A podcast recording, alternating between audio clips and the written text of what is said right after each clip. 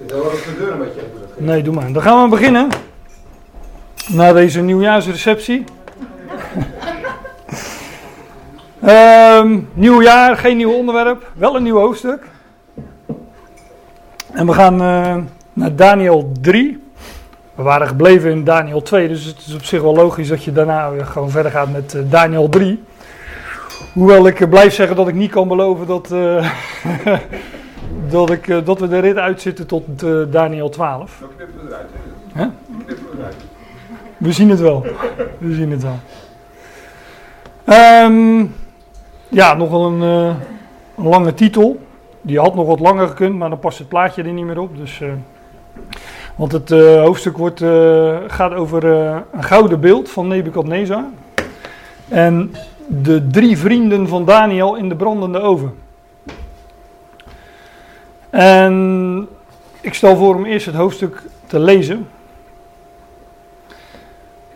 En ik lees dat. eh, ik, heb de, ik, heb, ik heb gewoon juist met, eh, met de tekst. Volgens mij is het herziene statenvertaling. eh, met hier en daar een, een kleine aanpassing. Ik heb niet alles aangepast waarvan ik dacht dat moet aangepast worden. Maar, maar ook dit is weer een ja, vrij lang hoofdstuk. En als je het leest, dan, dan merk je ook wel. eh, kan iemand de deur even open doen? Als je, het, als je het hoofdstuk leest, merk je ook al snel waarom het zo'n lang hoofdstuk is. Dingen worden nogal eens herhaald in Daniel. En dat is, eh, dat is natuurlijk niet voor niks. Maar we beginnen gewoon bij, eh, bij vers 1. Koning Nebukadnezar. Nou, die, die kennen we inmiddels. Koning Nebukadnezar maakte een gouden beeld. Waarvan de hoogte 60 L was en zijn breedte 6 L. Hij richtte het op in het dal Dura, in het gewest Babel. En koning Nebukadnezar stuurde een boodschap om de stadhouders, de machthebbers, de landvoogden, de raadsheren, de schatbewaarders, de rechters, de magistraten en alle autoriteiten van de gewesten te verzamelen. Om naar de inwijding van het beeld te komen dat koning Nebukadnezar had opgericht. Toen kwamen de stadhouders, de machthebbers, de landvoogden, de raadsheren, de schatbewaarders, de rechters, de magistraten en al de autoriteiten van de gewesten bijeen voor de inwijding van het beeld dat koning Nebukadnezar had laten oprichten. En zij stonden voor het beeld dat Nebukadnezar had opgericht. En een heraut riep met kracht: Men zegt u aan, volken, natie en talen. Op het moment dat u het geluid hoort van de hoorn, fluit, cite, luid, lier, panfluit en alle soorten van muziek, moet u neervallen en het gouden beeld aanbidden dat koning Nebukadnezar heeft opgericht. Wie niet neervalt en aanbidt, zal op hetzelfde ogenblik midden in de brandende vuuroven worden geworpen. Daarom, zodra al de volken het geluid hoorden van de hoorn, fluit, cite, luid, lier en alle soorten van muziek, vielen op datzelfde tijdstip alle volken, naties en talen neer en aanbaden het gouden beeld dat koning Nebukadnezar had opgericht. Daarom kwamen op datzelfde tijdstip Galdeeuwse mannen naar voren, die de Joden openlijk beschuldigden. Ze namen het woord en zeiden tegen koning Nebukadnezar, O koning, leef tot de Ionen. U, o koning, hebt zelf bevel gegeven dat iedereen die het geluid zou horen van de hoorn, fluit, citer, luid, lier, panfluit en alle soorten van muziek, moest neervallen en het gouden beeld aanbidden. En dat wie niet zou neervallen en aanbidden, midden in de brandende vuuroven zou worden geworpen. Nu zijn er Joodse mannen die, over, die u over het bestuur van het gewest Babel hebt aangesteld, namelijk Sadrach, Mezach en Abednego. Deze mannen hebben op uw bevel, o koning, geen acht geslagen. Uw goden vereren zij niet en het gouden beeld dat u hebt opgericht aanbidden zij niet. Toen beval Nebukadnezar in woede en grimmigheid dat men Sadrach, Mezach en Abednego moest halen. Vervolgens werden deze mannen bij de koning gebracht. Nebukadnezar antwoordde en zei tegen hen, is het met opzet, Sadrach, Mezach en Abednego, dat u mijn goden niet vereert en het gouden beeld dat ik heb opgericht niet aanbidt? Nu dan, als u bereid bent op het moment dat u het geluid van de hoorn, fluit, citer, li, citer luid, lier, panfluit, dat bedoel ik dus, en alle soorten van muziek hoort neer te vallen en het beeld aanbidden dat ik gemaakt heb, dan is het goed. Maar als u het niet aanbidt, dan zult u op hetzelfde ogenblik midden in de brandende vuuroven worden geworpen. En wie is dan de God die u uit mijn handen kan verlossen? Sadrach, Mezach en Abednego antwoorden en zeiden tegen koning Nebukadnezar, het is niet nodig u hierop antwoord te geven. Als het moet kan onze God die wij vereren ons verlossen uit de brandende vuuroven. En hij zal ons, o koning, uit uw hand verlossen. En zo niet, het zij u bekend, o koning, dat wij uw goden niet zullen vereren. En het gouden beeld dat u hebt opgericht niet zullen aanbidden. Toen werd Nebukadnezar met grimmigheid vervuld en zijn gelaatsuitdrukking tegenover Sadrach, Mezach en Abednego veranderde. Hij nam het woord en zei dat men de over zevenmaal heter moest stoken dan men gewoon was hem te stoken. Enkele mannen, de sterkste uit zijn leger, beval hij dat zij Sadrach, Mezach en Abednego moesten binden om hen in de brandende vuur over te werpen. Toen werden deze mannen, mannen gebonden in hun mantels, hun broeken, hun mutsen en hun kleren. En zij wierpen hen midden in de brandende vuur over.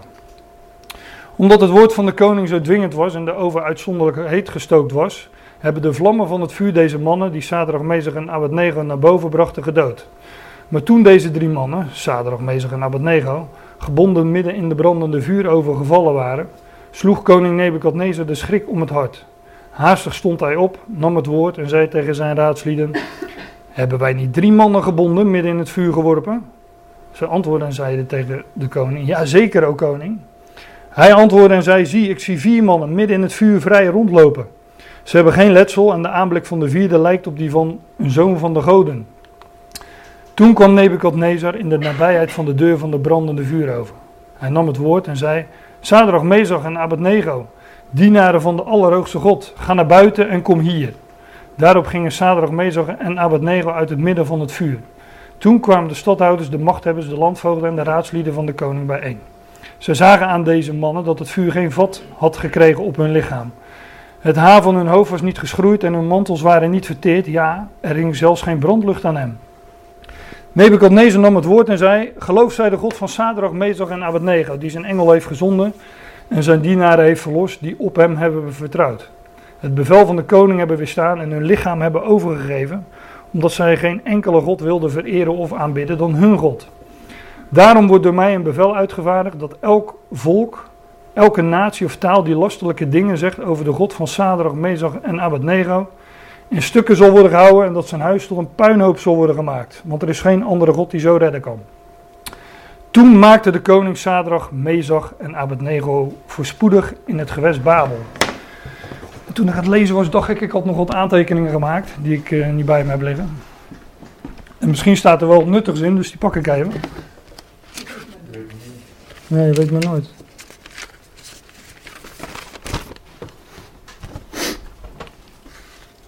Goede voorbereiding is halve werk natuurlijk, hè? dat weten jullie. Maar uh, ik heb het stuk natuurlijk al, uh, nee, natuurlijk, ik heb het al een paar keer vaker gelezen, dus uh, elke keer als ik het lees kan ik een uh, glimlach niet onderdrukken. En struikel, struikel ik ook wel eens over de woorden, zo nu en dan. Omdat er toch wel dingen in staan die, nou ja, als ik vroeger mijn opstel of werkstuk zo maakte op school, dan had mijn juf of meester daar wel wat op aan te merken telkens weer uh, die dingen herhalen. De raadsheren, de, de, de de, de, weet ik veel, al die muziekinstrumenten. Maar dat is natuurlijk niet voor, niet voor niets. En toen ik aan het lezen was, toen dacht ik van, uh, ik had eigenlijk eens moeten tellen hoe vaak de opsomming Sadrach, Mezach en Abednego in het hoofdstuk voorkomt. Ik denk dat het uh, zeker nou, meer, meer dan vijf keer is. Ik denk een keer, het zal zeven of acht zijn of zo. maar ehm, nou, dat heb ik dus niet gedaan. Maar uh, nou ja, die geef ik dan mee om, uh, om uh, achteraf nog eens uh, te doen. Um, ja, normaal gesproken ga ik het vers voor vers door. Dat, dat ga ik bij dit, bij dit hoofdstuk niet doen. Um, ik ga het niet vers voor vers bespreken.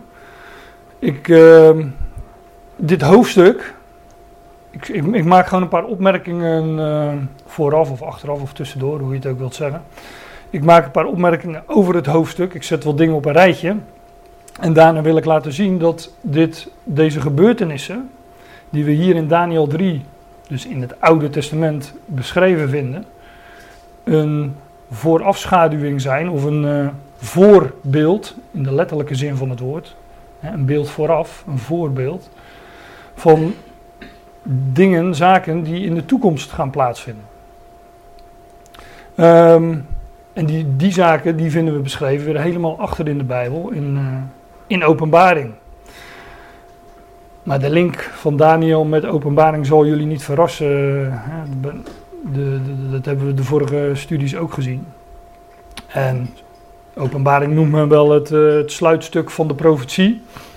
Nou, Daniel is profetie, dus ehm, ja, logisch dat je dan eh, vaak terug. eh, openbaring is eigenlijk een teruggrijpen op al die profeten, zoals Daniel, Ezekiel, noem ze allemaal maar op. Nou, eh, een aantal highlights uit het hoofdstuk.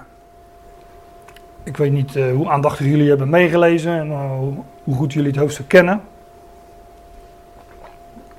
Maar ik zet gewoon wat dingen op een rijtje. In dit hoofdstuk er zes centraal in Daniel 3. Het was een beeld met een hoogte van 60 L. Overigens, dat beeld wat Nebuchadnezzar laat maken is een beeld van goud. En in het vorige hoofdstuk had Nebuchadnezzar een droom over een beeld. Hij was blijkbaar, eh, hij was blijkbaar op een idee gekomen om zelf zo'n beeld te maken. Maar hij had een droom gehad over een beeld. Eh, dat beeld had een gouden hoofd, zilveren armen en, eh, en borst, koperen lendenen en eh, benen van ijzer en voeten van ijzer en leem. Al die metalen en dat klei dan. Hè. Ehm, met Daniel had tegen Nebuchadnezzar gezegd: Koning, u bent dat gouden hoofd. Dus dat gouden beeld, als je de lijn doortrekt vanuit Daniel 2, is dit gouden beeld wat hij hier laat oprichten. Nee, ik ga niet helemaal terug. Is dat gouden beeld natuurlijk een uitbeelding van, heel kort gezegd, van Babel. Of het koninkrijk van Babel.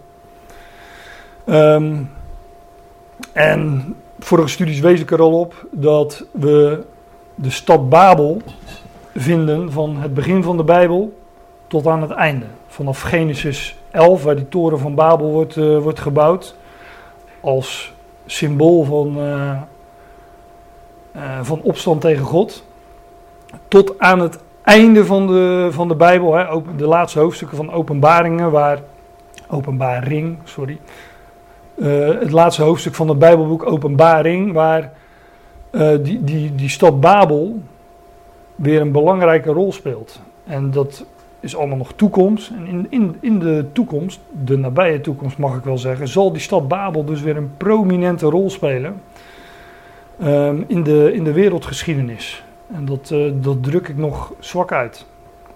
Het zal een grote, rijke stad zijn, en het handelscentrum van de wereld en de hoofdstad van, eh, van het laatste wereldrijk. Nou, daar staat dat beeld van Nebukadnezar ook voor. Hè, dat gouden beeld, wat hier eh, wordt, wordt neergezet. In dat, in dat beeld staat de zes centraal. En de zes, ehm, ja, de zes is sowieso een uitbeelding van de mens. De mens die werd geschapen op de zesde dag. Ehm, of van de verering van de mens, zeg maar. We hebben vorige keer ook gezien dat, eh, dat de zes nogal eens voorkwam in, eh, in de geschiedenis van David en Goliath. Die laatste, nou, die reus waar David eh, tegen streed en die David versloeg, is een uitbeelding van die reus in de eindtijd, die de zoon van David zal verslaan. Het vijfde steentje, weet je wel, de steen uit Daniel 2. Nou, de zes staat ook hier dus centraal. Het beeld had een hoogte van 60 L en een breedte van 6 L. Ik had ook een plaatje van, van dat beeld net, ehm, waarin dat beeld, uit, het beeld wordt uitgebeeld. Het beeld wordt uitgedrukt als een, als een beeld van, ehm, eh, van Nebuchadnezzar zelf. En ik denk ook wel dat het zo is, hoewel die verhoudingen toch al enigszins eh, raar zijn. Als ik een beeld van mezelf zou maken, dan zou ik mezelf wel wat voordeliger laten uitkomen. Het 10 staat tot 1 is nou niet echt. eh, misschien was lang en slank vroeger toen, eh, was dat toen heel erg in, maar nu zouden we ons wat, eh, wat, wat, wat breder eh, neerzetten, denk ik, als man. Zo'n totem geweest. Ja, wie weet. Kijk, er staat verder niks bij. Er staat alleen dat hij een beeld maakt. Je, je vindt ook nergens. eh, er staat ook niet dat hij een beeld van zichzelf maakt. Er staat koning Nebuch- Nebukadnezar maakt een beeld van goud. Met die hoogte en die breedte. En verder staat er over het, over het beeld zelf staat er niks. Nou Ja, we kennen uit, eh, eh, uit geschiedenis en mythologie natuurlijk allerlei, ehm, ehm, ja, hoe zeg je dat? Occulte vereringen. Eh, Fred noemt het totempaal, maar je hebt natuurlijk ook allerlei uh, phallus-symbolen die, die werden vereerd. bomen. Nou ja, dat.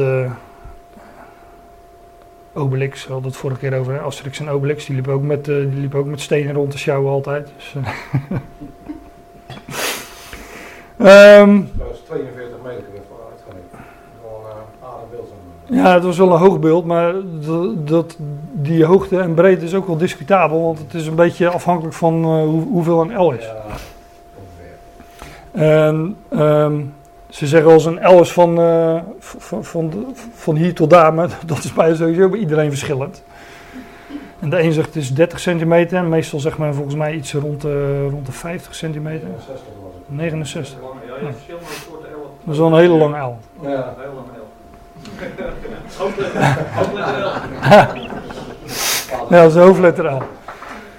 Maar wat je ook wel ziet in, uh, met, met, met, met dit soort maten, met handelsmaten, dat in de loop van de geschiedenis uh, die, die maten werden, hoe zeg je dat? gedegenereerd. Hè? Ik bedoel, als je een kilo afweegt, um, en een kilo is een kilo, maar als je van een kilo 950 uh, eh, gram maakt, dan kun je wat verdienen. En zo werd daar natuurlijk ook mee gesjoemeld. Dus, Kijk, wij hebben tegenwoordig natuurlijk die meter in Parijs liggen ergens. die wordt goed bewaard, maar ja, hoe men dat toen deed, dat weet ik ook niet. Maar ja, wat, wat is een L? En daarom denk ik dat het in de schrift als maten genoemd worden nooit om die maat zelf gaat, maar altijd om, uh, om het getal dat ervoor staat. Want dat is vast. Beeld met een hoogte van 60 L, een, breed met een breedte van 6 L. En dan zoeken we nog een 6 natuurlijk. Ik heb er gevonden, want ik heb uh, druk zitten tellen in dat hoofdstuk. Er worden zes muziekinstrumenten genoemd. Waar ik over struikelde, weet je wel. Nee. Nee, hoorde je dat niet? Oké, nou, dan moet je de band nog een keer terugluisteren. Dan. Eh. er worden zes muziekinstrumenten genoemd. Um, ja, dat even over dat, uh, over dat beeld van goud. Die uh, magistraten die genoemd worden, die zijn een, uh, een uitbeelding van, van volken, natieën en talen of tongen. En uh, daar worden er elke keer zeven van genoemd. Ik denk dat die magistraten een uitbeelding zijn van alle volken, naties en talen. En dat, dat, dat, dat, er daarom, dat er daarom zeven worden genoemd. Want zeven is zoals je weet het getal van de volheid of compleetheid. Ja, dan heb ik hem ook van die Sabrameester en Albert Nego rond. Want die worden twaalf keer genoemd. Die worden twaalf keer genoemd? Twaalf keer zelfs. en zeven keer magistraten, nou ja. Ja, twaalf keer. Wauw. Nou, dat is ook weer opgelost, dat uh, raadsel. maar twee keer, dus met nadruk, worden die zeven magistraten genoemd als uitbeelding dat het ja, om, uh, om het hele koninkrijk ging. Het is het getal van, uh, van de volheid, de hele volkerenwereld. Ze zijn een uitbeelding van die, van die volkerenwereld. Iedereen moest voor dat beeld buigen.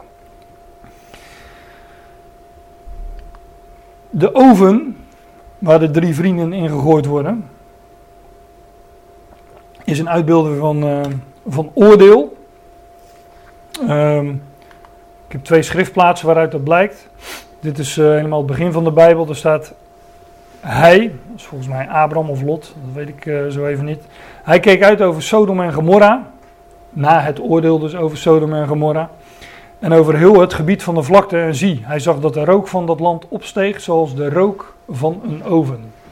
Dus na, de, na het oordeel van Sodom en Gomorra steeg daar de rook op als een oven. Dus ja, Sodom en Gomorra worden hier uitgedrukt, bij wijze van spreken, als een oven die nog naast staat te roken. Steden waarover dat oordeel gekomen was. In Exodus 19, vlak voor de, uh, voor degenen die grootgebracht zijn in een kerk, uh, in Exodus 20 volgen, daar, uh, volgt hier op de, volgen hier op de tien geboden, de wet. De berg, de berg Sinai was geheel in rook gehuld, omdat Yahweh er in vuur neerdaalde. De rook ervan steeg omhoog als de rook van een oven. En heel de berg beefde hevig.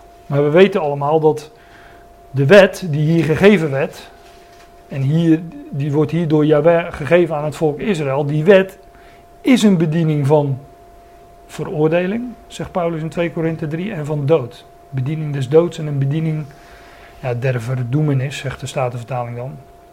Maar uh, dat woord betekent gewoon oordeel. Wordt op heel veel andere plaatsen gewoon vertaald met oordeel. Een bediening van veroordeling, dat is de wet. Want uh, ja, doe deze dingen en gij zult leven. Maar doe als je deze dingen niet doet, ja, dan zul je sterven. Dus de wet is een bediening van oordeel. Dus die oven in Daniel 3 is, is een uitbeelding van, uh, van oordeel. Ik heb er nog een tekst bij gezet, uh, die heb ik niet afgedrukt. Exodus 9, vers 10. Daar gaat het over de tien plagen die over uh, Egypte komen. Nou, dat waren ook oordelen.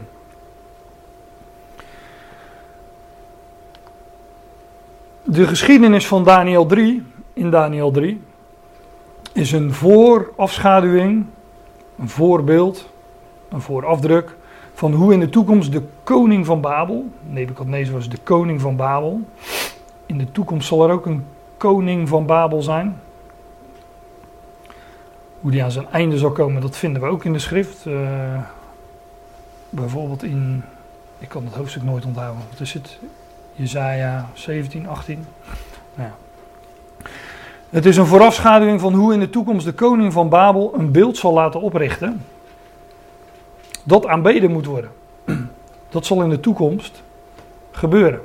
We gaan dat straks gewoon lezen. Dus. In de tempel, dus in Israël.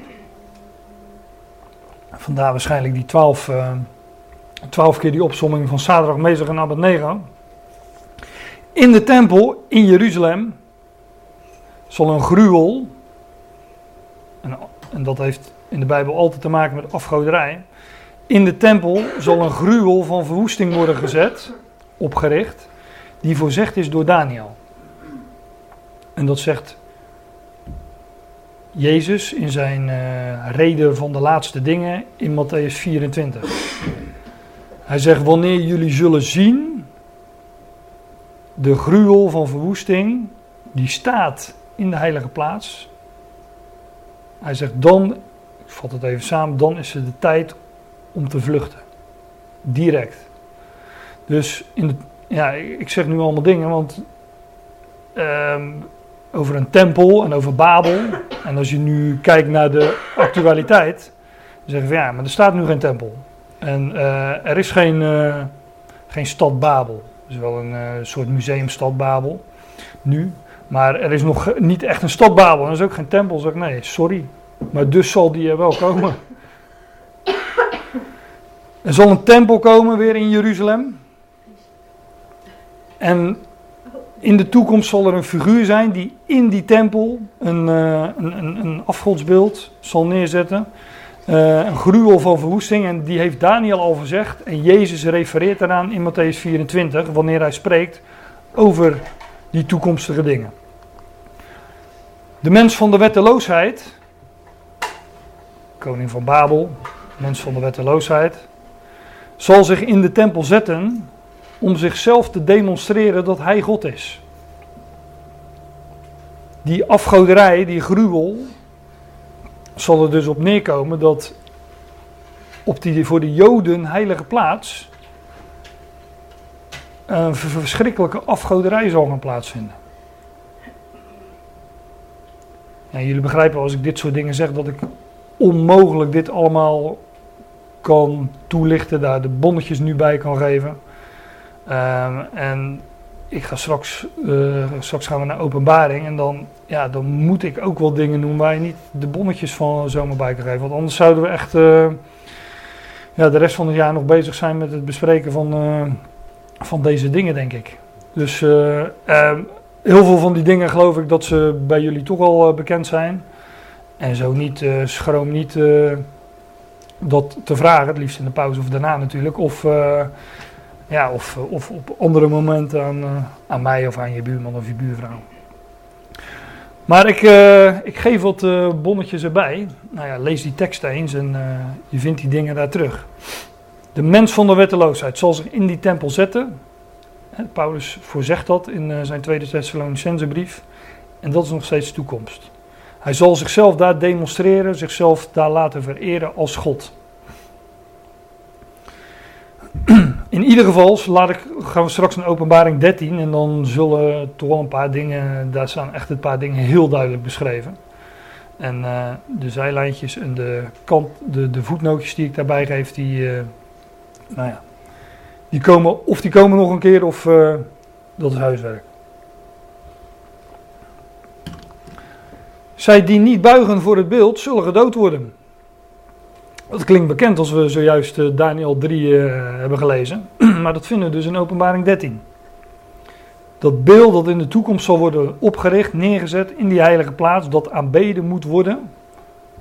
Degenen die niet buigen voor dat beeld zullen gedood worden. gaan we straks gewoon lezen in Openbaring 13. Ja, bij Gods oordeel zijn echter de rollen omgedraaid. Kijk, wat ik. Dat, dat, um, de geschiedenis van Daniel 3, met, met die oven. Hè, de koning Nebuchadnezzar draagt op. Iedereen, zodra de muziek klinkt, moet iedereen buigen voor dat beeld. Wie dat niet doet, wordt gedood. Die wordt in de brandende oven gegooid. Men zegt vaak, die oven is een uitbeelding van de grote verdrukking. Ja, ik, ik, twijfel daar een beetje aan, maar uh, ik zal straks nog wel uh, ook wel meegeven waarom. Ik denk dat het. Uh, wat, je, wat je. Nou, laat ik het even op een rijtje zetten. Wat er bij die oven gebeurt. Is dat de mannen die Sadrach, Mezach en Abednego in die oven gooien. die worden gedood. En Sadrach, Mezach en Abednego. die doorstaan het oordeel. En die zijn zelfs onbeschadigd, zelfs geen geurtje van, uh, van vuur of rook uh, aan hun kleren. Maar de mannen die zadig Mezig en Abednego in die oven gooien, die worden gedood. Hebben we zojuist gelezen. Van de hitte van die oven vielen zij dood neer. Maar Sadrach en Mezig en Abednego overleven dat, uh, dat oordeel. Nou, ik, ik geloof dus eerder dat dit een uitbeelding is van Gods oordeel. Dat over, deze, over de mensheid komt. En ja, uh, waarvan de gelovigen, zoals Sadrach, Mezach en Abednego, inderdaad zullen leven in die toekomende Ionen. En de niet-gelovigen, zij die niet geloofd hebben, ja, die, zullen, die zullen gedood worden. Die zullen in de tweede dood terechtkomen. Dat is nog een detail. Uh, deze stook zeven keer sterker op. Ja, ook weer die zeven. En dan lees je in Jesaja 30 dat het zonlicht zeven keer sterker zal worden. Op het laatste moment als... Uh, God Israël gaat. Uh, Oké, okay. is dat zo? Ja. ja. Nou, dan wil ik straks wel eens even uh, de schriftplaats bij. Uh, nu niet, want dan onthoud ik hem toch niet. Maar. Um, ja, ik geloof dus niet zozeer dat hij over een beeld is van de grote verdrukking, maar meer van Gods oordeel. Um, ja, Gods eindoordeel is ook niet de goede term, want bij Gods. kijk, uit, God zal oordelen en gelovigen zullen die toekomende Ionen meemaken. Die zullen eeuwig leven hebben, het leven van de Ionen, van de Ion. En ongelovigen zullen dan in de tweede dood terechtkomen. Kijk, wat je kunt, als je die geschiedenis, eh, de, typ, de typologie, de uitbeelding daarvan letterlijk neemt. Je kunt namelijk niet zeggen dat gelovigen per definitie gered worden uit de grote verdrukking. En dat gebeurt met die drie natuurlijk wel. Ik heb op een rijtje gezet een aantal uh, met betrekking tot de grote verdrukking. Dat er gelovigen gered worden voor dat oordeel, voor, voor oordeel of voor het oordeel of voor de grote verdrukking. Ja, taal is een dingetje. Ze worden gered voor oordeel. voor het oordeel, dat is. Uh, dan begrijpt iedereen me. Ik heb een paar voorbeelden. Bijvoorbeeld Noach en zijn familie die in de ark gingen. Dat waren gelovigen die gered werden voor het oordeel. Lot en zijn familie uit Sodom. Ik haalde net uh, de, een tekst eruit aan. Zij werden gered uit. Nou ja, nog voordat het oordeel kwam, werden ze uit Sodom en Gomorra werden ze daar uh, vandaan gehaald. En toen pas kwam het oordeel. De wegrukking van de Ecclesia, van de gemeente, het lichaam van Christus. Wij dus. Wij zullen gered worden, dat geloof ik tenminste. Voordat het oordeel komt. En ik heb, uh,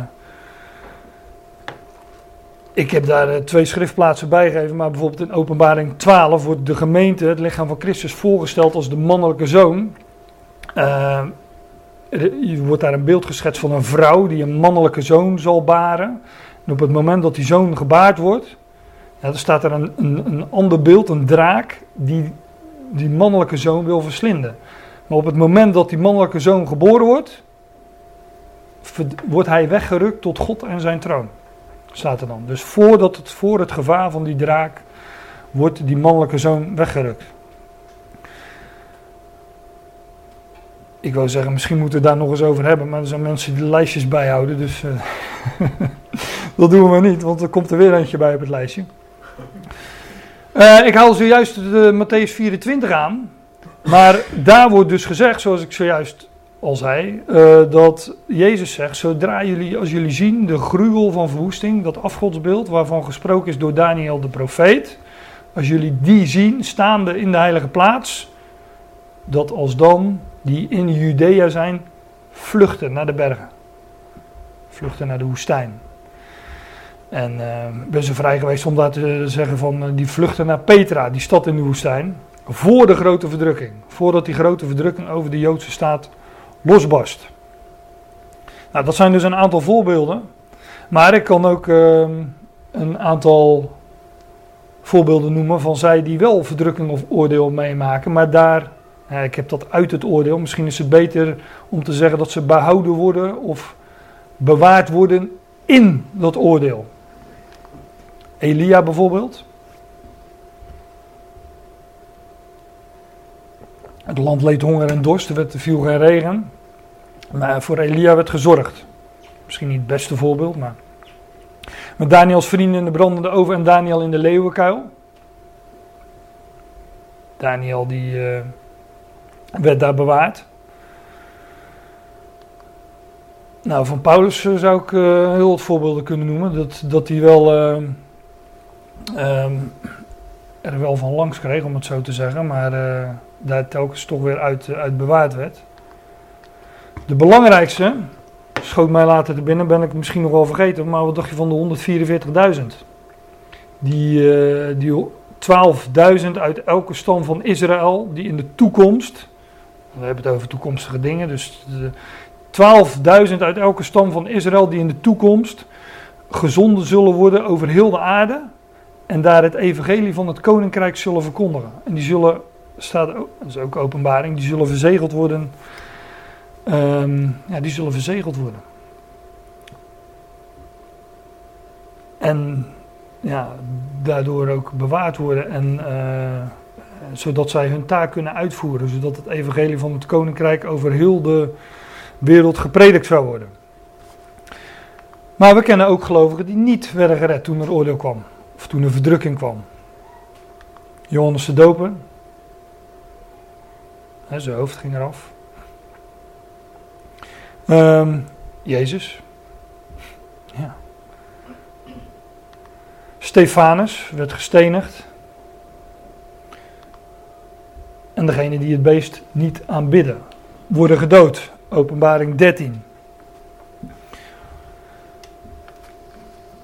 Nou, dat, uh, dat wilde ik toch even op een rijtje zetten. Om kijk, als je daar hier Daniel 3 dus naast zet, dan uh, kun je niet per definitie zeggen van uh, die, die vrienden, die drie vrienden van Daniel, die zijn een, een uitbeelding van hoe in de toekomst gelovigen zullen bewaard worden in die grote verdrukking. Want ik, geloof niet dat alle gelovigen daar in die grote verdrukking bewaard zullen worden. Want er staat dat degenen die, uh, die het beest niet aanbidden, dat die worden gedood. Dus ik geloof eerder dat het een uitbeelding is van, van oordeel dat uiteindelijk zal komen, waar de ongelovigen het, zullen gedood worden. En waarin de, inderdaad de gelovigen zullen leven. Nou, hier had ik nog uh, tig voorbeelden van kunnen noemen natuurlijk, dat begrijpen jullie wel. En misschien schieten jullie ook al een paar te binnen. Maar eh, er zijn er nog genoeg in ieder geval. Nou, dat gezegd hebben over openbaring 13, gaan we ook naar openbaring 13.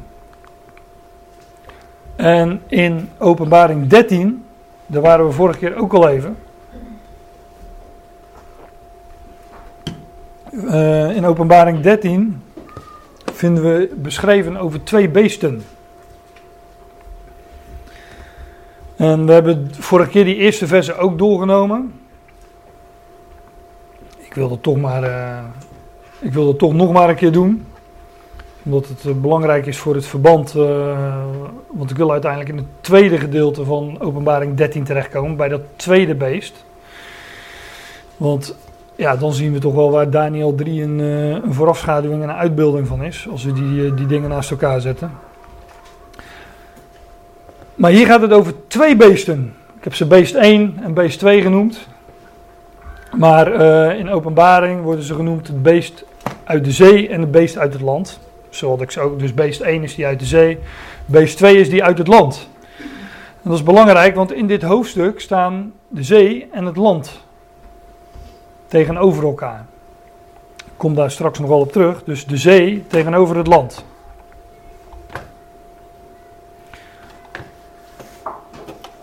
Um, ja, gewoon openbaring 13 vanaf vers 1. Ik zag uit de zee een beest opkomen. En dat beest had zeven koppen en tien hoorns. En op zijn hoorns waren tien diademen. En op zijn koppen een godslastelijke naam.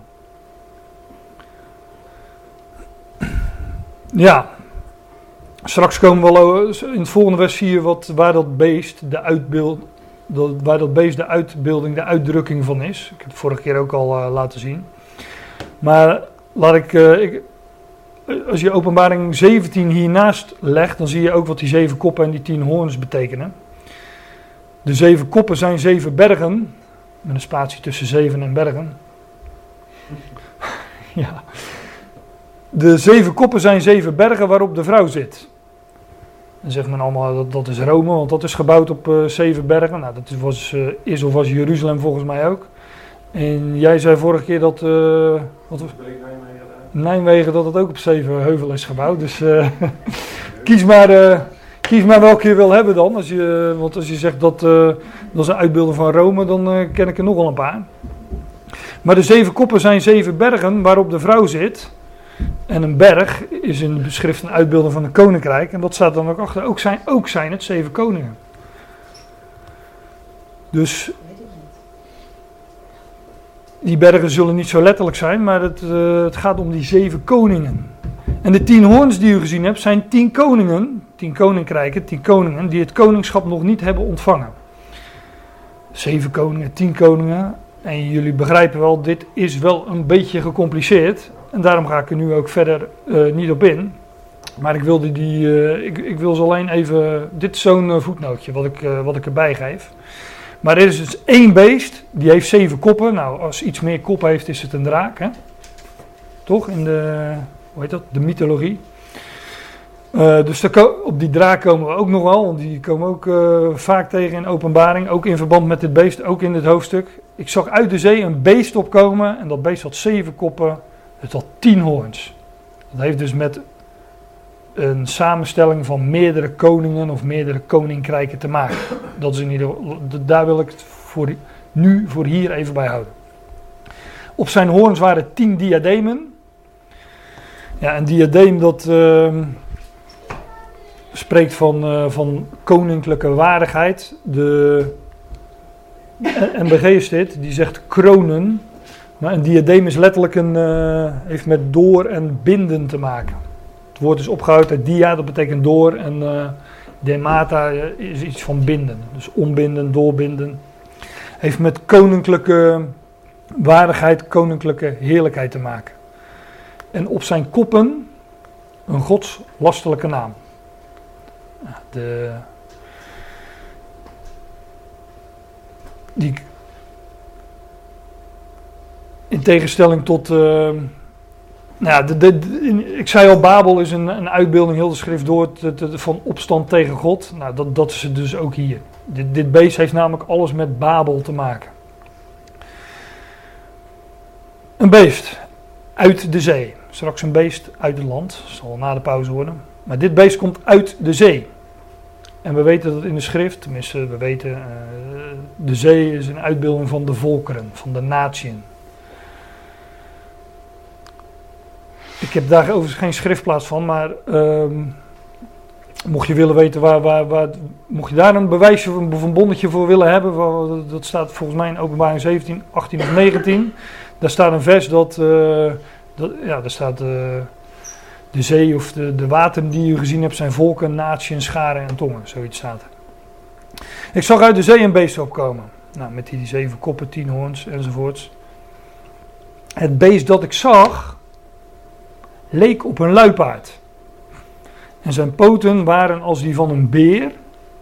En zijn muil was als de muil van een leeuw. En de draak gaf hem, de draak, daar is hij al.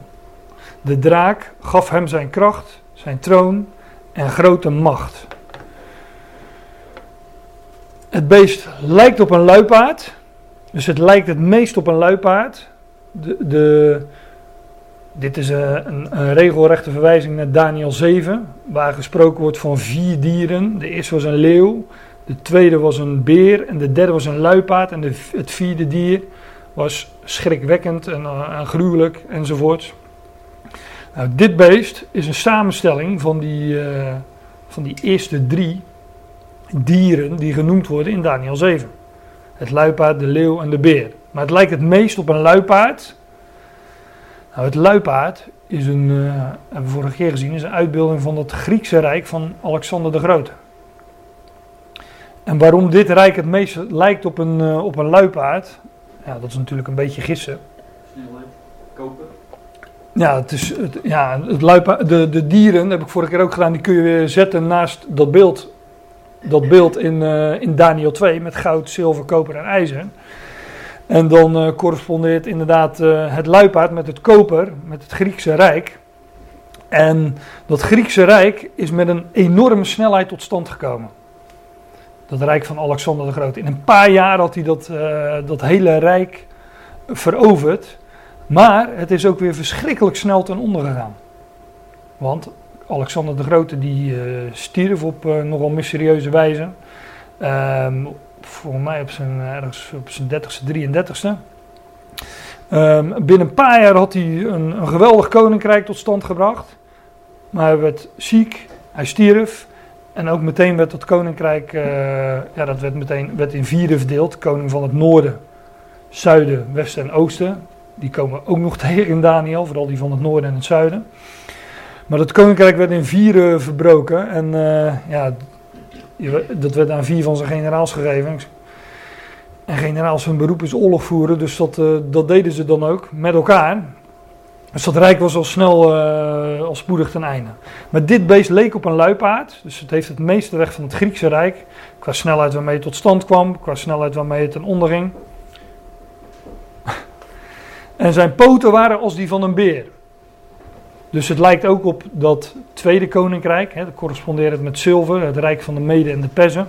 Waarom het de poten van de beer zijn, weet ik niet. Wie daar suggesties voor heeft, uh, ik houd me aanbevolen. En zijn muil was als de muil van een leeuw. Nou, ik weet wel waarom het de muilen heeft van een leeuw. Ik ben één keer met, met kinderen in de dierentuin geweest. Dat waren niet mijn eigen kinderen over, dat is nog wat langer geleden. En toen uh, trok er ook een, uh, een leeuw zijn muil open. Toen ging een van de kinderen huilen, dat vergeet ik nooit meer. ja, die was ook nog wel klein hoor, maar... Maar een leeuw heeft een grote muil. En uh, dit beest heeft ook een grote bek, een grote muil. We vinden dan ook meerdere keren, al in Daniel, maar ook in openbaring beschreven, dat dit beest, deze, uh, en de, de, de, uh, degene die aan het, aan het hoofd staat, hè, aan, aan het kopstuk van dit koninkrijk, kop, hoofd, hè, dat kwamen allemaal tegen het vorige vers, dat dit kopstuk, het hoofd van dit koninkrijk, een mond heeft grote dingen sprekende. Dus hij had een grote bek en uh, hij, heeft, hij zal een grote mond hebben. Laat ik het netjes houden. Hij zal een grote mond hebben en een, een muil als een leeuw. Grote dingen sprekende. En de draak gaf hem zijn kracht, zijn troon en grote macht. Nou, die draak, ja, ik zei al, ik, ik kan niet alles uh, aantonen, maar in openbaar, ik lees het gewoon even voor. In openbaring 12 vers 9 staat. En de grote draak is geworpen, namelijk de oude slang, welke genaamd wordt duivel en Satan, die de hele wereld verleidt. Hij is geworpen op de aarde en zijn engelen, zijn boodschappers zijn met hem geworpen. Dus in de toekomst zal Satan met zijn engelen op aarde worden geworpen. En dan, uh, dan, gaan dit soort, dan gaan deze dingen plaatsvinden en gestalte krijgen. De draak is het die dit beest zijn kracht, zijn troon en grote macht geeft. Dan zal hij inderdaad rondgaan als een briesende leeuw, hè, een muil als een leeuw.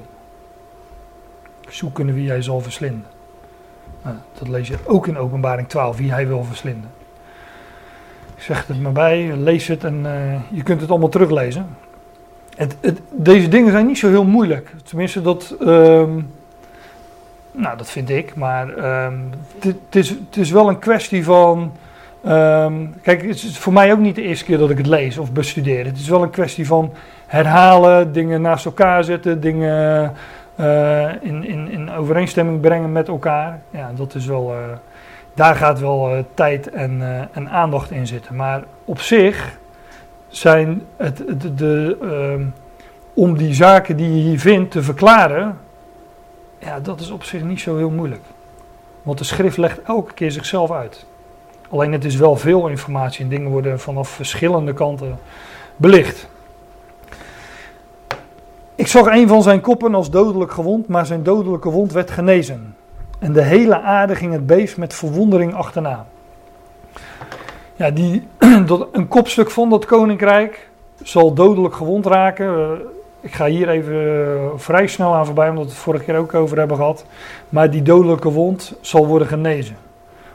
Um, of hij echt dood zal zijn. En ja, misschien dat hij zal claimen dat hij opgestaan is uit de dood. Of dat, dat is een beetje suggestief. Um, maar in ieder geval zal de, de hele aarde of het hele land het beest met verwondering achterna gaan. Het zal echt iets zijn waarvan men zegt van wauw, wat is dit? En aangezien, dat zullen we, dat zullen we straks nog, ook nog zien, aangezien het hier echt om, uh, ook om een religie gaat. En om, ik zei net al dat, uh, dat, dat, dat, dat die laatste koning een beeld zal laten oprichten van zichzelf. En zoals Paulus in 2 Thessalonicense 2 zegt, dat hij zich zal demonstreren alsof hij God is. Dat hij zichzelf als God zal laten vereren. Ja, misschien dat hij, dat, het zal me niet verbazen, laat ik het zo zeggen, met een slag om de arm, als deze figuur zal claimen dat hij de Messias is. En dat hij degene is die hier de dood... Uh, ja, dat, dat hij hier uh, in ieder geval geneest van een dodelijke wond. Of hij echt opstaat, claimt dat hij opstaat uit de dood, weet ik niet. Maar wat hier staat is dat hij een dodelijke wond had. Nou, als je een dodelijke wond hebt, dan uh, ben je bijna ben, je onderweg om dood te gaan, maar daar zal hij van genezen. Het zal een groot wonder zijn en de hele aarde ging het beest met verwondering achterna. Ik heb erachter gezet dat het in het Grieks ge of ges is. Dat, dat zou je eigenlijk moeten vertalen met land. Omdat de hele aarde is nogal suggestief. In het Hebreeuws heb je een woordje eretz. Dat, betekent uh, ook land. Uh, en in het Grieks is het equivalent, is uh, dit Griekse woord ge of ges. En dat betekent ook gewoon land. Als in Genesis staat, God noemde het droge, ten opzichte van de zee, hij noemde het droge land dan, uh, dan gaat het om het, om het, om het land als, uh, ja, als, uh, als land te, te, tegenover de zee. Kijk, en als wij bij de hele aarde denken, denken we aan de hele planeet aarde. En bij een land ga je eerder afvragen, welk land? Of welk stuk van het land, of, of wat dan ook. En hier ligt in een aantal versen toch al de suggestie erin dat het specifiek over het Joodse land gaat. Dingen zullen ook een wereldwijde aangelegenheid krijgen, want dat, dat vinden we in Daniel ook uitgebeeld. Hè? Alle naties, volken en scharen. Maar hier gaat het ook specifiek over het land Israël, waar dat beest, uh, waar dat beest ook zijn heerschappij zal hebben. Ik lees gewoon even verder. Zij aanbaden de draak omdat hij aan het beest macht gegeven had. En zij aanbaden het beest en zeiden: Wie is aan dit beest gelijk? En wie kan er oorlog tegen voeren? Nou, dit, uh, de draak is Satan, dat zei ik al, openbaring 12 vers 9. Zij aanbaden de draak omdat hij aan het beest macht gegeven had. En zij aanbaden het beest en zeiden wie is aan dit beest gelijk. Detail, ik denk dat, dat dit en zij aanbaden het beest gewoon een uitleg is van het eerste. Zij aanbaden de draak omdat hij aan het beest macht gegeven had. Namelijk, zij aanbaden het beest. Wij lezen en vaak als een plus, maar in de schrift vind je het ook vaak als een nadere uitleg, als een namelijk. Onze God en Vader, dat zijn er geen twee, dat is onze God, namelijk de Vader. Ik denk dat het hier ook het geval is. Zij aanbaden de draak omdat hij aan het beest macht gegeven had. En zij aanbaden het beest en zeiden: Wie is aan dit beest gelijk en wie kan er oorlog tegen voeren? Zal dus een enorme macht hebben, dit beest. En aan hem werd een mond gegeven om grote woorden en godslasteringen te spreken. En het werd macht gegeven om dit 42 maanden lang te doen. Hier is dus die muil van de leeuw. Hè? En met een grote mond, en met een mond gegeven, nee, is dat nog niet een grote, en met een mond gegeven om grote woorden te spreken en godslasteringen. Dus heeft een grote mond. Spreekt lasteringen. En het werd macht gegeven om dit 42 maanden te doen. Ja, ik zie dat het eigenlijk tijd is voor de pauze, maar ik maak het, ik maak het even af. Dan uh, hebben we na de pauze gewoon wat korter. We hebben ook nog wat uh, te doen in de pauze, dus... Um, en het werd de mond gegeven om grote woorden en godslasteringen te spreken. En werd macht gegeven om het 42 maanden lang te doen. Deze 42 maanden zijn de periode van grote verdrukking over de Joodse staat. Dus het gaat hier echt specifiek over die periode waarin een grote verdrukking zal komen over de Joodse staat.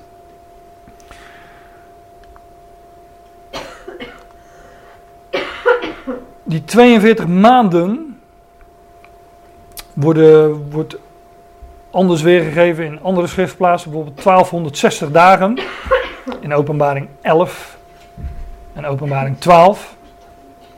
Openbaring 11 is dat de periode waarin de twee getuigen zullen optreden. En in openbaring 12 is dat de periode dat de vrouw, Israël, een plaats heeft, haar van God bereid. 1260 dagen buiten het bereik van die draak. Dus die, dat is de, de periode waarin een grote verdrukking over de Joodse staat komt. Zij die uh, gehoor hebben gegeven aan de oproep van nou, van, uh, van, van, Jezus bijvoorbeeld in, in Matthäus 24. Zij zullen zich buiten het land begeven en we zullen daar bewaard worden in de woestijn, 1260 dagen. Over de Joodse staat zal grote verdrukking komen van 1260 dagen. En in die Joodse staat op het, uh, ja, op, het, op het plein, op het tempelplein, daar zullen twee getuigen optreden. 1260 dagen lang. Vind je in openbaring 11 vers 3. Um, op andere plaatsen wordt dit genoemd tijd, tijden en een halve tijd. In Daniel 7, ook in Daniel 12 en ook in Openbaring 12. Of bestemde tijd, bestemde tijden en een helft. Dat vind je in Daniel. Maar dit zijn volgens mij zo'n beetje de schriftplaatsen waar we die uitdrukkingen tegenkomen. En het is dan wel frappant dat in verband met, het, met dat beest een afwijkende term wordt gebruikt. Hè? De maanden. De maan is de vorst van de duisternis. En ik denk dat, dat daarom ook dat beest, hè, de, die macht gegeven wordt door de draak, namelijk de vorst van de duisternis, dat daardoor, daarom die periode bij dat beest uitgedrukt wordt in maanden. En al deze schriftplaatsen, zoek ze allemaal maar op, het gaat allemaal gaan ze over Israël, over het Joodse volk, over de Joodse staat, het Joodse volk. Um, over de heiligen vind je in Daniel, de heiligen van de Allerhoogste. Volgens mij had ik daar nog, nee, daar had ik geen dia van. Um, maar in ieder geval, in, als je die schriftplaatsen opzoekt in Daniel, de heiligen van de Allerhoogste, da, daar gaat het over. En over uh, dat hij de heiligen van de, van de Allerhoogste zal verdrukken en verstoren. En al deze schriftplaatsen gaan over die periode, over dat specifieke moment in de toekomst. Aan hem werd een mond gegeven om grote woorden en godslasteringen te spreken. En het werd macht gegeven om dit 42 maanden lang te doen. Aan hem werd een mond gegeven. Een muil als een leeuw. Maar die mond is ook dat andere beest. Dat zullen we straks nog wel zien na de pauze. En in Daniel 3 denk ik dat het uitgebeeld wordt door die heraut. Dat was namelijk de mond van Nebukadnezar. Vinden jullie misschien een beetje een rare beeldspraak. Maar dit, dit vinden we vaker zo in de schrift. Dat zal ik straks ook laten zien.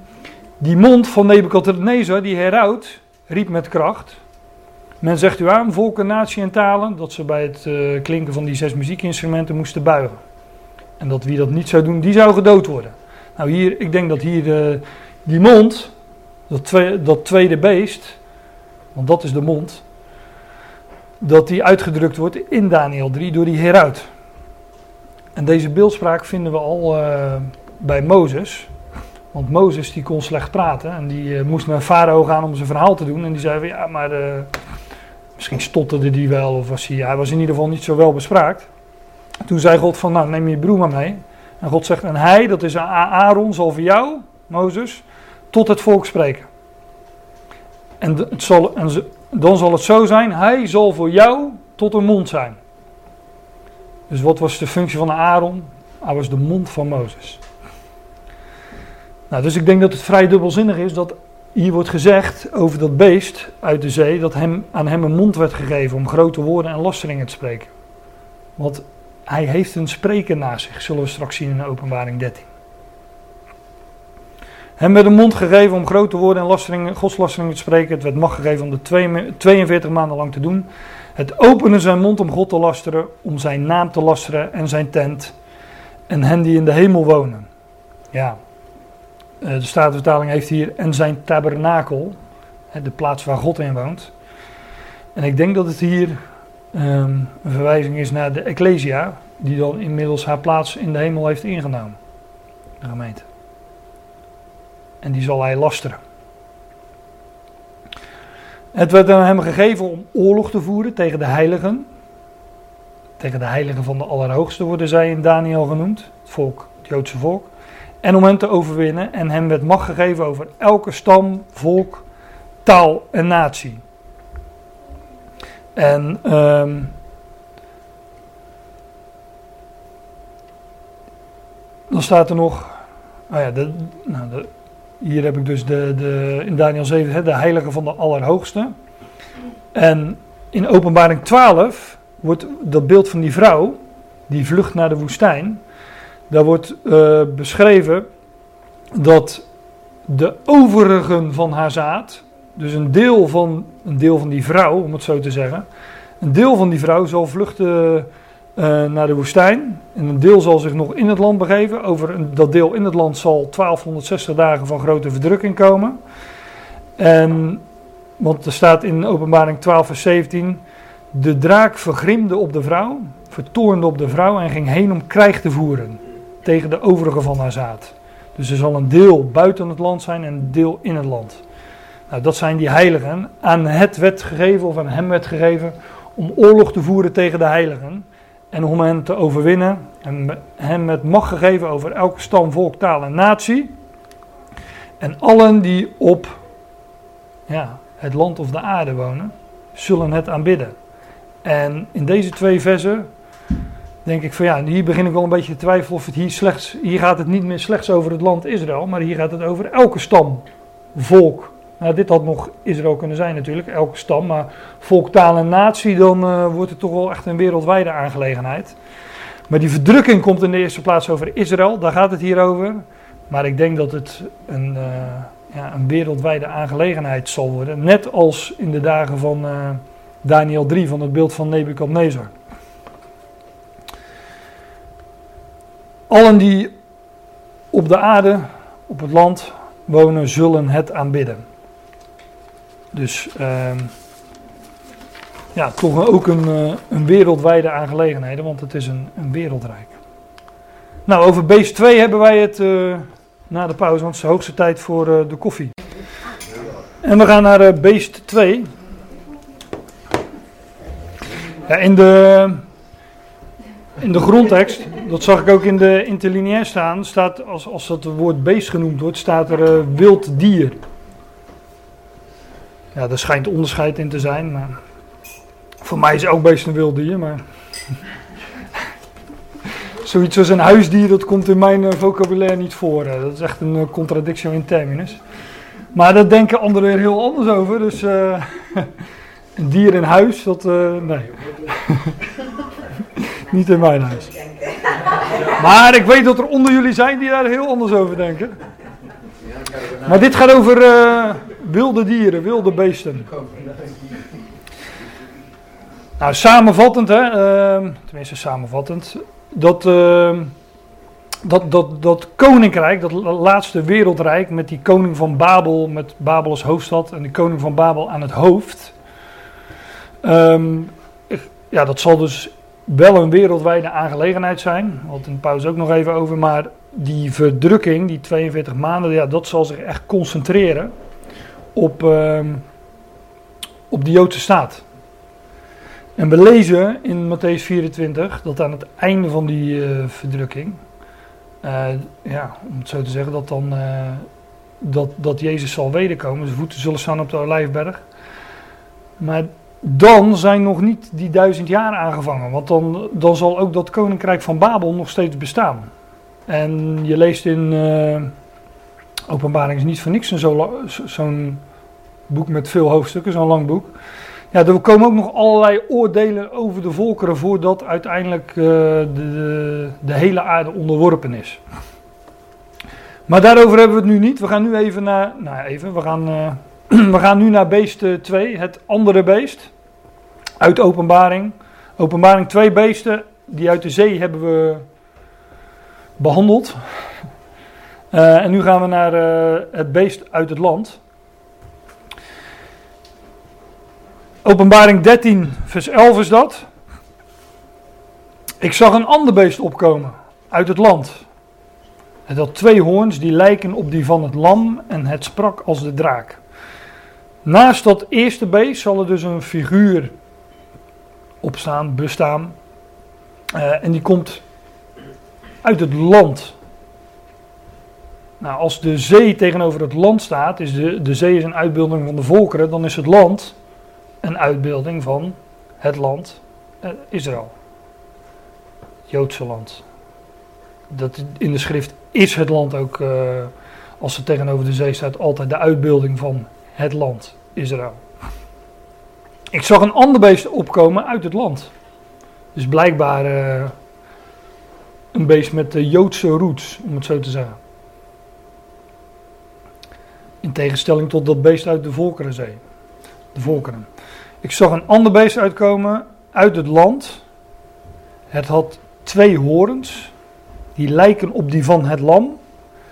En het sprak als de draak. Letterlijk staat het, staat het er eh, nog, die lijkend op die van het lammetje. Elke keer als je het lam, van, het, het lam in openbaring tegenkomt, is het een lammetje. Eh, eh, Een verkleinwoord van het woord lam. Tegenover, dat, dat is natuurlijk ook, hoe noem je dat, contrast. Tegenover dat wilde beest, dat wilde beest uit, eh, uit de zee en uit het land. Daar tegenover staat het lammetje. En een lam is al een, eh, een, klein, een klein dier, maar dat wordt nog eens verkleind. Het lammetje. Dat zijn natuurlijk contrasten. Ehm, en dat lammetje, dat zal ook dat wilde beest ook eh, ja, verslaan. Dat laatste koninkrijk eh, zal plaatsmaken. En dan zal ook de bruid, de, de, de, de bruiloft van het lam komen. Nou, dit beest had twee horens, lijkend op die van het lammetje. Het sprak als de draak. Net zagen we al dat het andere beest was een mond gegeven, grote dingen sprekende. Nou, deze spreekt inderdaad grote dingen, want het spreekt als de draak. En de draak, welke is duivel, Satan, hè, openbaring 12. Dus het sprak als de draak.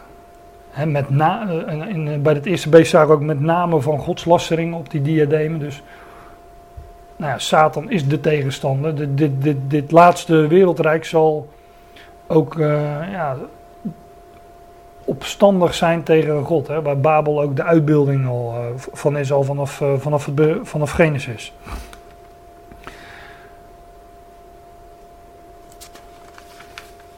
Deze figuur.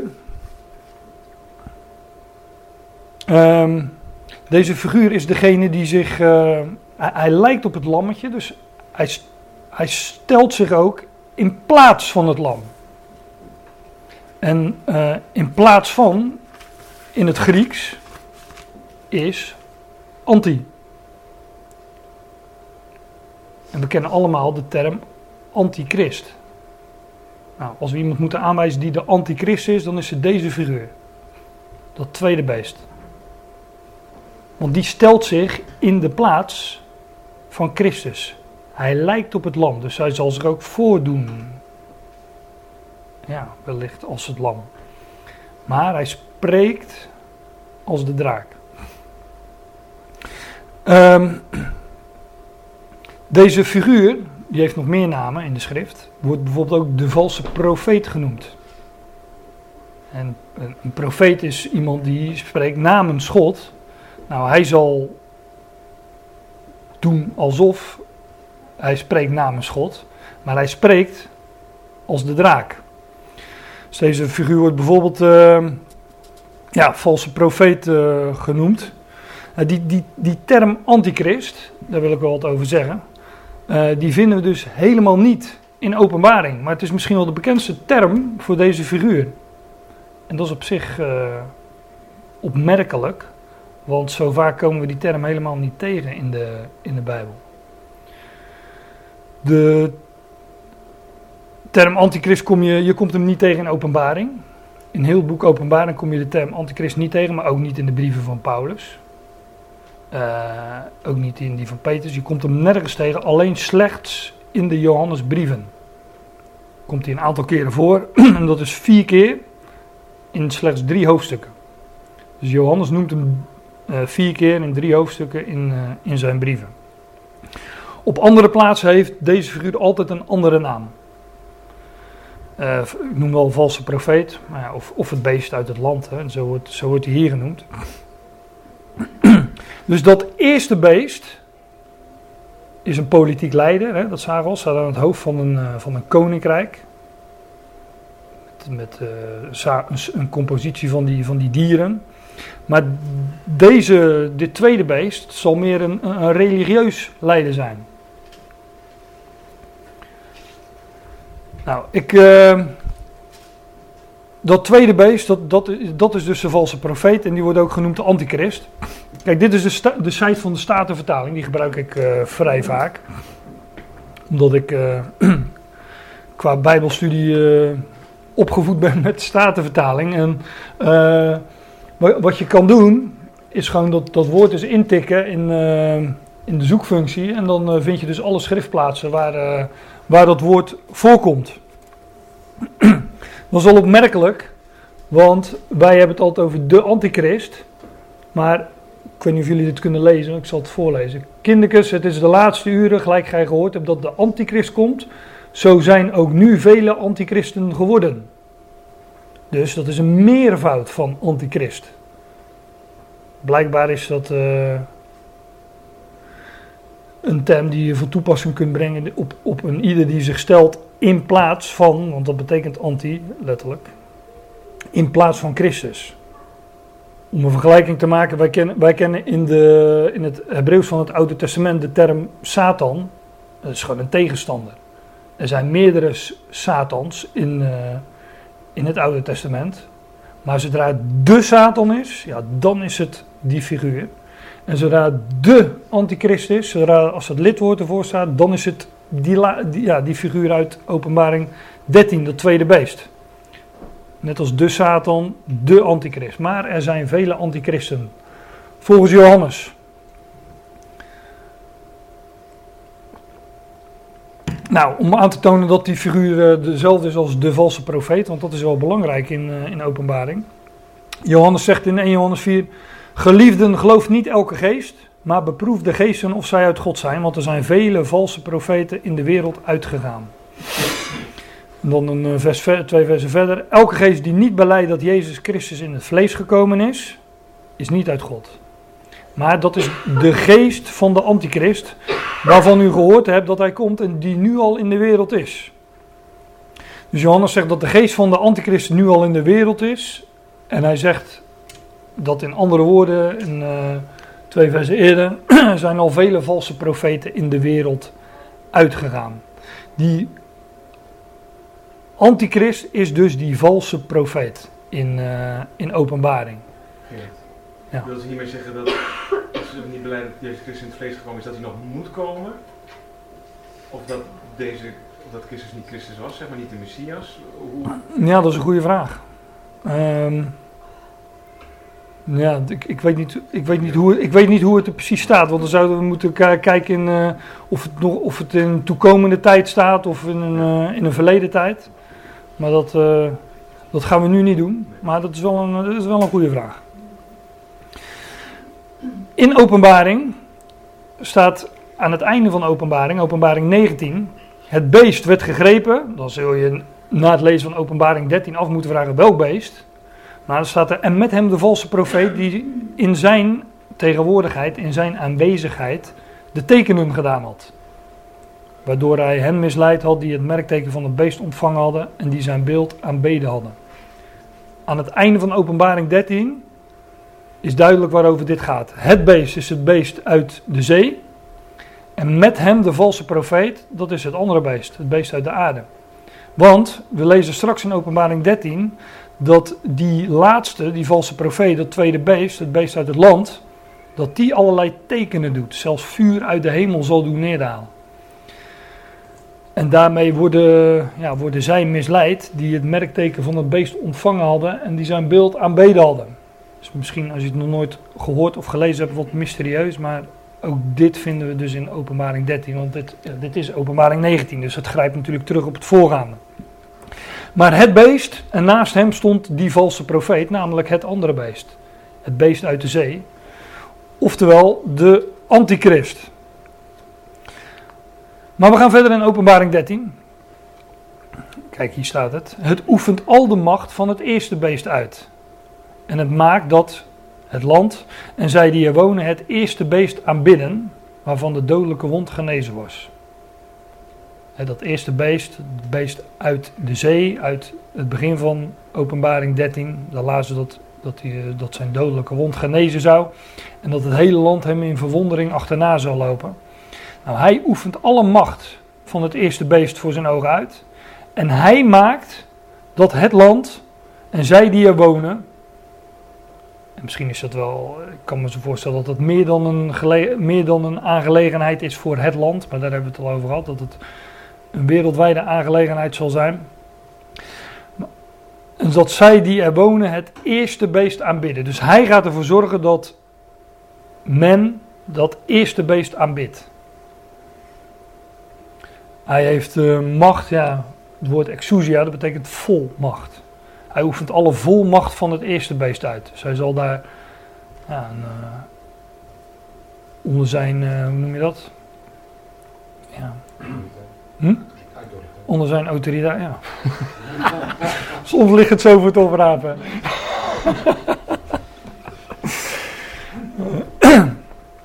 Dus dat tweede beest uit het land oefent alle macht van het eerste beest voor zijn ogen uit. Hij maakt dat het land die er eh, wonen het eerste beest aanbidden. Zoals in 2 Thessalonicenzen 2 staat dat hij een, eh, zichzelf in de tempel zal zetten en eh, zichzelf zal demonstreren alsof hij God is. Hij zal zich laten aanbidden. Nou, daar, gebruikt hij, eh, gebruikt hij deze figuur voor.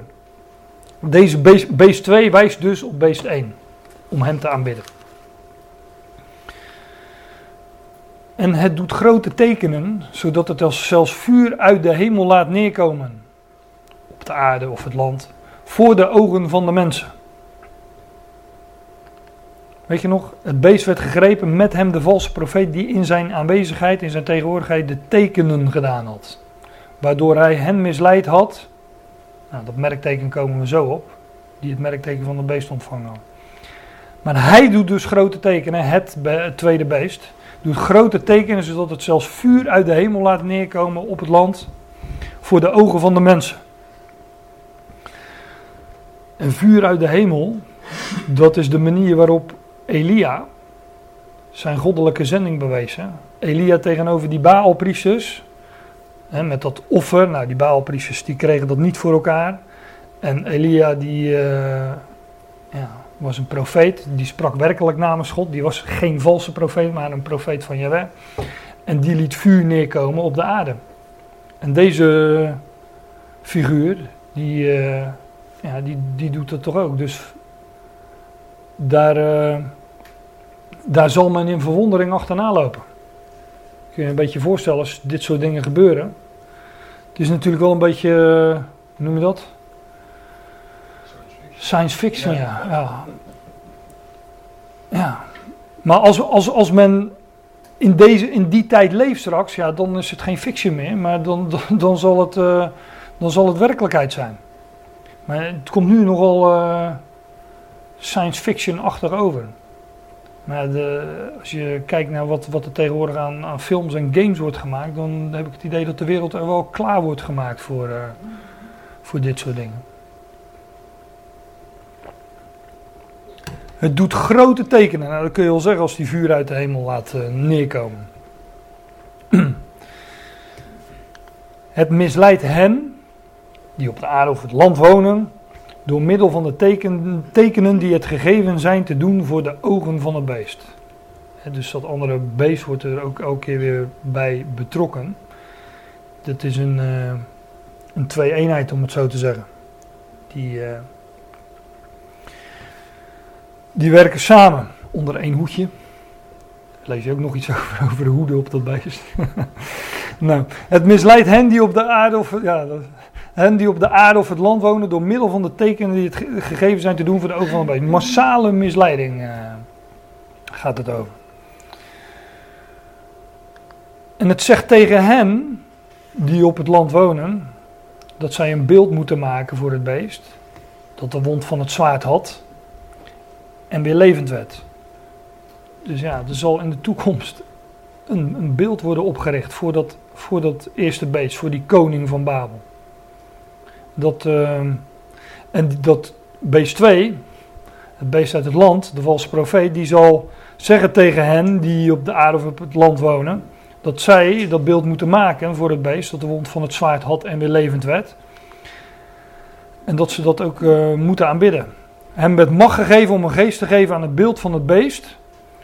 Opdat het beeld van het beest zelfs zou spreken en zou maken dat allen die het beeld van het beest niet zouden aanbidden, bidden, gedood zouden worden.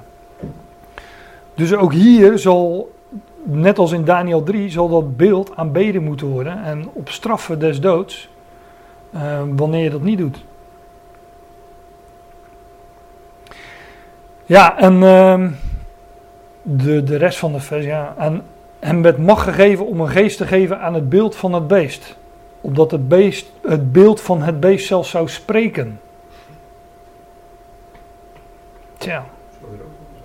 Hm? Ja, robot, uh, noem dat, kunstmatige intelligentie. Uh, ja, hoe dat nou precies gebeurt en wat, ja, dat is, dat is natuurlijk gissen. Het zal geen robot zijn, daar ga je niet voor buigen. Nee. nee. Robocop.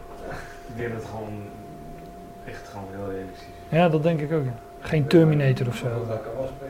Ja, dat bedoel ik. Ja. Dat het echt gewoon iets wonderlijks is, anders doe je het niet. Het moet er wel gemaakt worden. Ja, moet wel gemaakt worden. Dat staat er dan wel. Maar ja, ik denk dat je toch uh, vreemd staat te kijken als er een beeld wordt gemaakt en dat beeld gaat echt spreken. Ja, dan ben je toch wel, uh, dan zal men toch wel verwonderd zijn en het beest in verwondering achterna lopen. Net zoals wanneer het vuur uit de hemel zendt. Ja, en hoe dat er dan precies uitziet en wat, ja, dat, dat, ja, we gissen nu wat, maar dat blijft ook inderdaad maar gissen. Maar op dat moment zal voor degene die dit lezen, zal het wel duidelijk zijn natuurlijk. Dan zal je weten van ja, nu wordt uh, openbaring 13 vers 15 vervuld. Dit, uh, ja, die, die zien dat dan. Zij die dan leven. wie niet, Daniel 3 lazen we, wie niet neervalt en aanbidt, zal op hetzelfde ogenblik midden in die brandende vuuroven worden geworpen. Dus. Eh,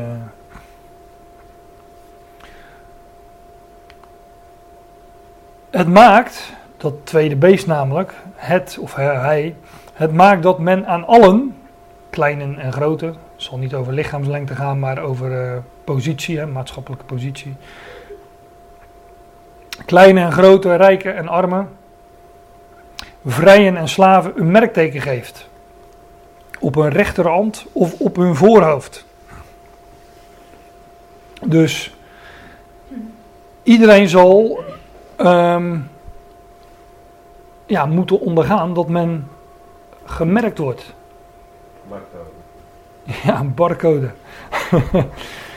Het maakt dat men aan alle kleine en grote, rijke en arme, iedereen dus vrije en slaven een merkteken geeft. Of op de rechterhand of op het voorhoofd. Nou, ja, weet je, ook hier kunnen we over speculeren. En ik ken ook de verhalen van de, de chip. Hè. Eh, ik zag pas iets, een documentaire over bitcoins. Er was ook iemand die had gewoon een chipje in zijn hand waarmee die eh, kon betalen. Weet je, dat kan het allemaal best zijn. Dus dat soort verhalen, dat, eh, dat, nou ja, die, die ken ik echt al heel lang. Volgens mij al sinds de jaren negentig. Maar ook dat is speculeren. Want misschien is eh, op het moment dat dit plaatsvindt, is, is een chip al lang achterhaald. Bedoel, Of de Teflon. ja. Nou, dat, eh, dat wilde ik inderdaad ook nog eh, opmerken. Dat, dat, dat, dat, dat het wel ehm, opmerkelijk is dat hier een, sla, een, een merkteken wordt gegeven aan de rechterhand of het voorhoofd. En dat zijn precies de plaatsen waar de Joden die, eh ja, die tefelim, die ge- gebedsriemen ook eh, ombinden. Dus dat is wel, eh, dat, is wel heel opmerkelijk hoe dat hier gezegd wordt. De rechterhand of, de voorho- de rechterhand of het voorhoofd. Maar ook dat is gissen. Maar dat, dat zou zomaar kunnen. En ehm, dat het daarmee te maken heeft. Maar ja, ik, nogmaals, ik ken alle verhalen van een chip. Maar ook dat kan over eh, de, de, de, de technische ontwikkelingen, die, die gaan nu zo snel. En ehm, het, het gaat ook steeds sneller, dus ja, wellicht is dat, eh, is dat dan al lang achterhaald. Maar kijk, de mensen die dan leven, die zullen dit begrijpen. Die zullen, die zullen weten van ja, dat, dat gaat hierover. Wat, wat ik hier lees, dat, dat, dat vindt nu plaats. Het doel eh, ervan, van, van dat merkteken, wordt in ieder geval duidelijk gemaakt. Het maakt dat niemand kan kopen of verkopen, behalve hij die dat merkteken heeft. Of de naam van het beest of het getal van zijn naam. Maar men zal dus, wanneer men dat merkteken niet aanneemt, dan zal men uitgesloten worden van, eh, ja, van al het economisch verkeer. Men zal niet meer kunnen kopen of eh, verkopen. En dan, eh, ja, dan heb je wel een groot probleem natuurlijk met, eh, met eten en drinken. Primaire levensbehoeften, maar ook, eh, ja, ook onderdak wordt dan, eh, dat wordt dan al lastig. Om een huis te kopen of huur te betalen of wat dan ook. Dus dat, ja, dat dringt door tot in, in, in heel het bestaan van degene die dan leven. En zij die dat ja, merkteken niet ontvangen hebben, die zullen dus inderdaad gemerkt worden door niet het merkteken te hebben.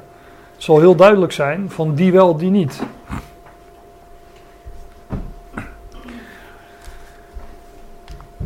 Dit is eh, volgens mij het laatste eh, vers.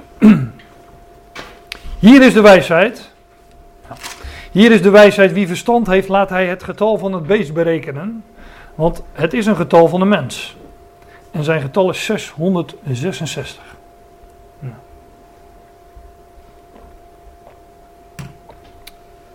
Ook hier is natuurlijk al van alles over gespeculeerd.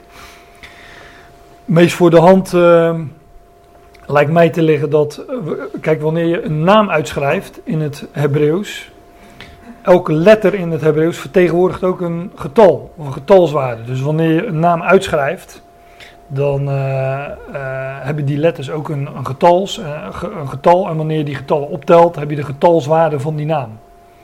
Nou, het meest logische is dat, dat, is, is dat de naam van dat beest, de getalswaarde van de naam van het beest eh, 666 is. Of de afmetingen. Ja, dat zou ook nog kunnen, ja. Ja, Niet deze naam. ja. Ja. Kijk, want hier gaat het. eh, Ja. Kijk, in het voorgaande vers. Nu zijn we ook aan het gissen natuurlijk. Maar het maakt dat niemand kan kopen of verkopen. behalve hij die dat merkteken heeft. of de naam van het beest. of het getal van zijn naam. En dan lijkt de naam van het beest toch wel eh, over, in overeenstemming worden gebracht met het getal van zijn naam. Ja, hoezo getal van zijn naam? Nou, omdat Hebreeuwse letters een getalswaarde hebben. Net als de Romeinse cijfers. We hadden het al even over Asterix en Obelix. Ik ben met, uh, met de kinderen naar die film geweest en uh, toen heb ik, ik, wat van die dingen. wat Asterix en Obelix en, die, die zijn ze nu aan het lezen, maar daar komen ook heel vaak die Romeinse cijfers in terug. Hè. Dus, nou, zo leren ze ook nog eens wat. Maar ook de Romeinse cijfers hebben dus een, een, een getalswaarde. Romeinse letters hebben een getalwaarde, zo moet ik het zeggen. Maar de naam van de beest of het getal van zijn naam. Dus ik houd het erop dat het het uh, getal van zijn naam is. En hier is de wijsheid, wie verstand heeft, laat hij het getal van het beest berekenen. Het is het getal van de mens en zijn getal is 666. Nou, hier is ook al heel veel, dat zei ik al, over gegist en gespeculeerd. Um, tik eens op, uh, op YouTube in uh, puntje puntje is de antichrist. Nou, dan uh, krijg je hele rij. ik weet nog goed dat toen Obama president werd, dat hij, die kwam ook aan de beurt natuurlijk. En er is altijd wel iemand die zijn naam in het Hebreeuws zo weet te schrijven dat het op 666 uitkomt. Maar um, ja, laten we dat maar niet doen. Het is, ik, ik, ik ken ook verhalen over, ik weet niet of je wel eens gehoord van de Maitreya. Ja, allemaal van dat soort figuren. Maar dat soort verhalen hoor ik al sinds de jaren negentig. Dus, uh, nou ja, het, het blijft gissen. Maar op dat moment ben ik ervan overtuigd dat degene die het zien gebeuren en die dit lezen, dat die het ook zullen weten. Hè, degene die verstand hebben namelijk. Wie verstand heeft, laat hij het getal van het beest berekenen. Het is een getal van de mens, zijn getal is 666. Namelijk een gouden beeld, want met zes met drie zessen erin. Hè? In ieder geval gekenmerkt door de zes.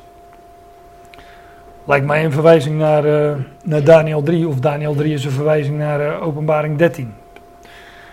Dat laatste koninkrijk, dat koninkrijk van Babel, uitgedrukt in dat gouden beeld. En uh, ja, gekenmerkt door de zes. Nou, dit is het, het laatste vers van Openbaring 13. Dus uh, hier wilde ik het dan ook maar bij, uh, bij laten.